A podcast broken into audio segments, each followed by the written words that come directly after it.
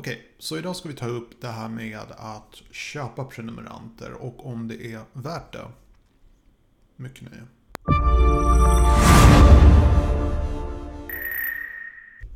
Hej och välkomna till min kanal. Mitt namn är Tommy och jag hjälper dig att bemästra social media idag. Så för er som är nya här, lite kort om mig själv. Jag jobbar som konsult, hjälper små och stora företag att utvecklas. Jag har en akademisk bakgrund inom marknadsföring från Södertörns högskola. Ehm, och jag gör tutorials. Jag gör YouTube-videon om social media, om hur man växer på social media, om YouTube, hur man kan bli bättre, duktigare. Och det är hela min grej. Jag tycker social media är fantastiskt roligt, speciellt YouTube. Jag är jättestort fan av YouTube. Så jag får frågan faktiskt väldigt ofta eh, om jag kan rekommendera sajter där folk kan köpa eh, prenumeranter på YouTube. Eh, och jag tror att många av mina prenumeranter vet redan vad jag tycker om sådana här ställen. Även om jag inte riktigt har pratat om det speciellt mycket. Eh, men det är ändå en så pass vanligt förekommande grej att jag känner att jag behöver göra den här videon och ge lite tankar och råd kring det här med att köpa prenumeranter. Eh, för det första vill jag säga att jag har inte gjort det själv. Eh, men jag har en kompis som har köpt prenumeranter och eh, visst funkade det. Jag tror att han betalade runt 50 kronor och fick... Vad han gjorde var att han köpte visningar. Och inte prenumeranter utan bara visningar. Och det funkade. Rättare sagt, det gick igenom. Han fick sina tusen visningar. Och han fick även... Eh, han betalade utan problem. Han fick sina visningar. Han fick till och med titttid. Han, eh, han, han såg faktiskt i sin analytics att det faktiskt var människor som tittade länge. Sen var det lite mystiskt vart de kom ifrån. Det var definitivt inte från Sverige. Eh, men allting har att göra med vilken tjänst och vart man köper den. Ehm, men tyvärr så bara efter eh, tre dagar så tog YouTube bort hans konto. Eh, vilket inte är ett stort problem för även om YouTube inte är speciellt förlåtande, det är väldigt enkelt att starta en ny kanal. Eh, så en bra idé är att alltid spara alla videofiler. Eh, sen har jag själv en liten historia kring det här med att få sin kanal borttagen. Men det är en, det är en helt annan topic och jag ska spara det till ett annat tillfälle. Men idag ska vi som sagt prata om det här med att köpa eh, prenumeranter. Så jag ska bara visa en liten sak här om vi tar eh, min skärm här. Eh, och så går vi till Google. Och så söker vi by subscribers. Vi säger så här, YouTube subscribers. Så ja. Och eh, den mest kända det är Subpals. Och här har vi då att du kan köpa 50 prenumeranter för 20 dollar, 100 prenumeranter för 30 dollar. Hela vägen upp till 500 prenumeranter för 60 dollar. Och detta händer inom 78 timmar. Um, och jag är helt övertygad om att det här faktiskt funkar. Du kan klicka Buy Now och så händer verkligen det. Du kommer få dina 500 prenumeranter. No problems. Ehm, det finns bara ett litet problem med det här. Eller det finns flera problem så som jag ser det. Ehm, för det första så är det så att YouTube de märker av när folk får plötsligt väldigt mycket prenumeranter utan titttid till exempel. Och man hamnar på, man blir rödflaggad så att säga. Och de kommer definitivt inte rekommendera sådana kanaler. Som du tror att du får, om du har 500 prenumeranter så kommer plötsligt YouTube börja rekommendera dina videon. Uh, nej, det kommer de inte. Om vi nu utgår från att YouTube inte kommer märka att uh, du har brutit mot deras policy, för man får inte köpa prenumeranter. Om det nu så visar sig att YouTube listar ut det här, inte listar ut det här och inte tar bort din kanal, de låter dig fortsätta som du gör. Vad är nästa steg då? Ja, du har precis försatt dig i det största möjliga bekymret du någonsin kan. Vi säger att du har en svensk kanal där du bara vloggar eller det kan vara en kanal om precis vad som helst. Du är en gamer, du har en personlig vlogg, du gör kortfilmer. Vad tror ni att det säger YouTube om du plötsligt har 500 prenumeranter men ingen titttid? Observera, du köper bara prenumeranter här. Det är inte som att de här människorna faktiskt kommer följa dig när du släpper nya videon. Så vad du säger i princip till YouTube är, jag har en kanal med 500 prenumeranter, men jag har så dåliga videon att ingen av mina prenumeranter, mina 500 prenumeranter, vill titta på mina videon. Vilket innebär att du gör dig automatiskt ett offer på nolltid och du betalar dessutom för det. Så jag har sagt det här förut.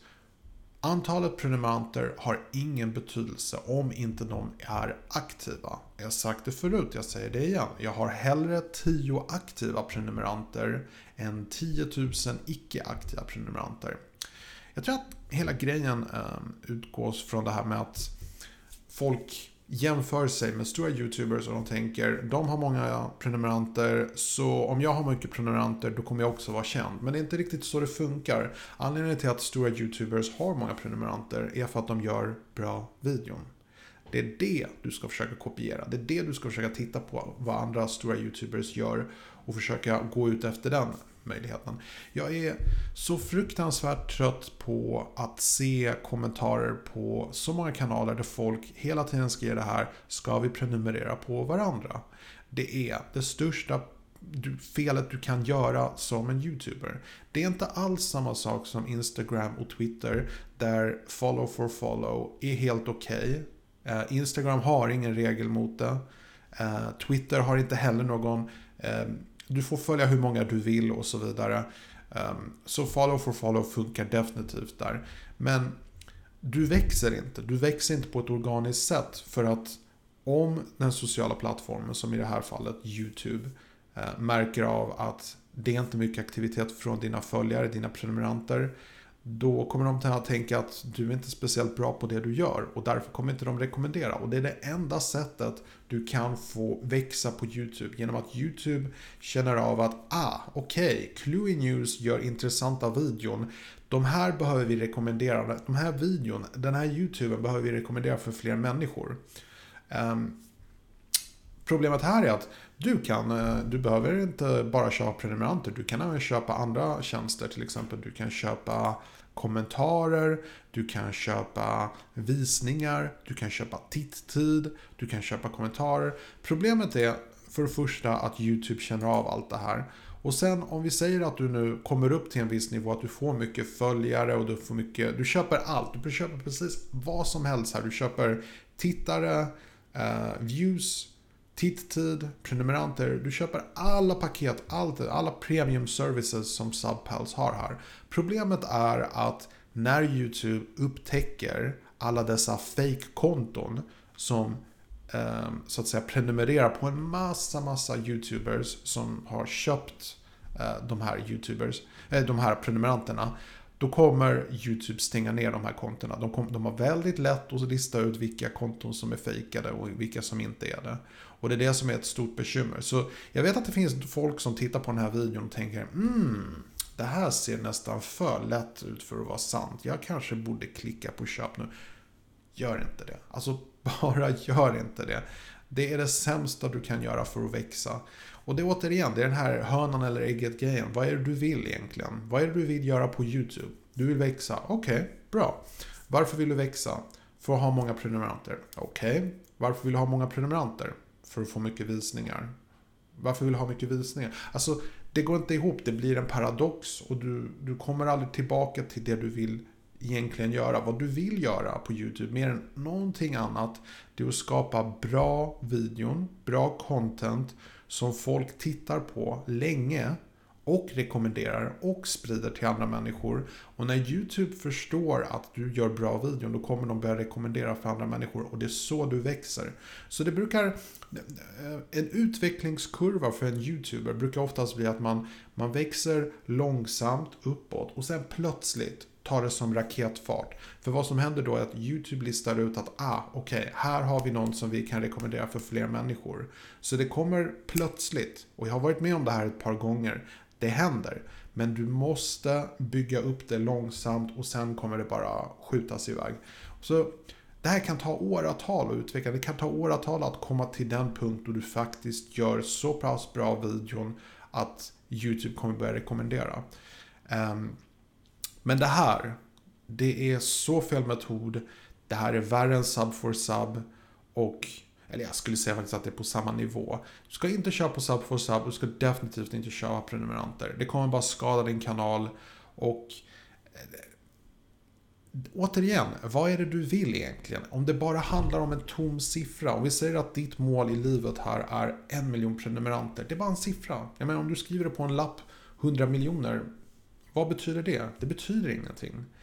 Du vill ha aktiva prenumeranter. Det, när du känner att du har, alltså jag lovar er, när ni känner att ni har aktiva prenumeranter, oavsett hur många det är, då är det natt och dag skillnad än att ha tusentals prenumeranter som typ aldrig kommenterar, som aldrig tittar på dina videon. Men när du har ett par lojala prenumeranter som kommenterar, som gillar, som kontaktar dig. Det är en fantastisk känsla och det är det jag önskar precis till alla mina prenumeranter att ni lyckas åstadkomma. Och jag är helt säker på att ni kan göra det också. Men det här är inte rätt metod och det här kommer inte ta er till den nivån. Så jag kan definitivt inte, inte rekommendera att ni kör genom Subpals eller liknande tjänster. Det funkar inte. Som sagt, jag har den här personliga erfarenheten av min vän som faktiskt gjorde det här bara för att prova på. Det funkade inte.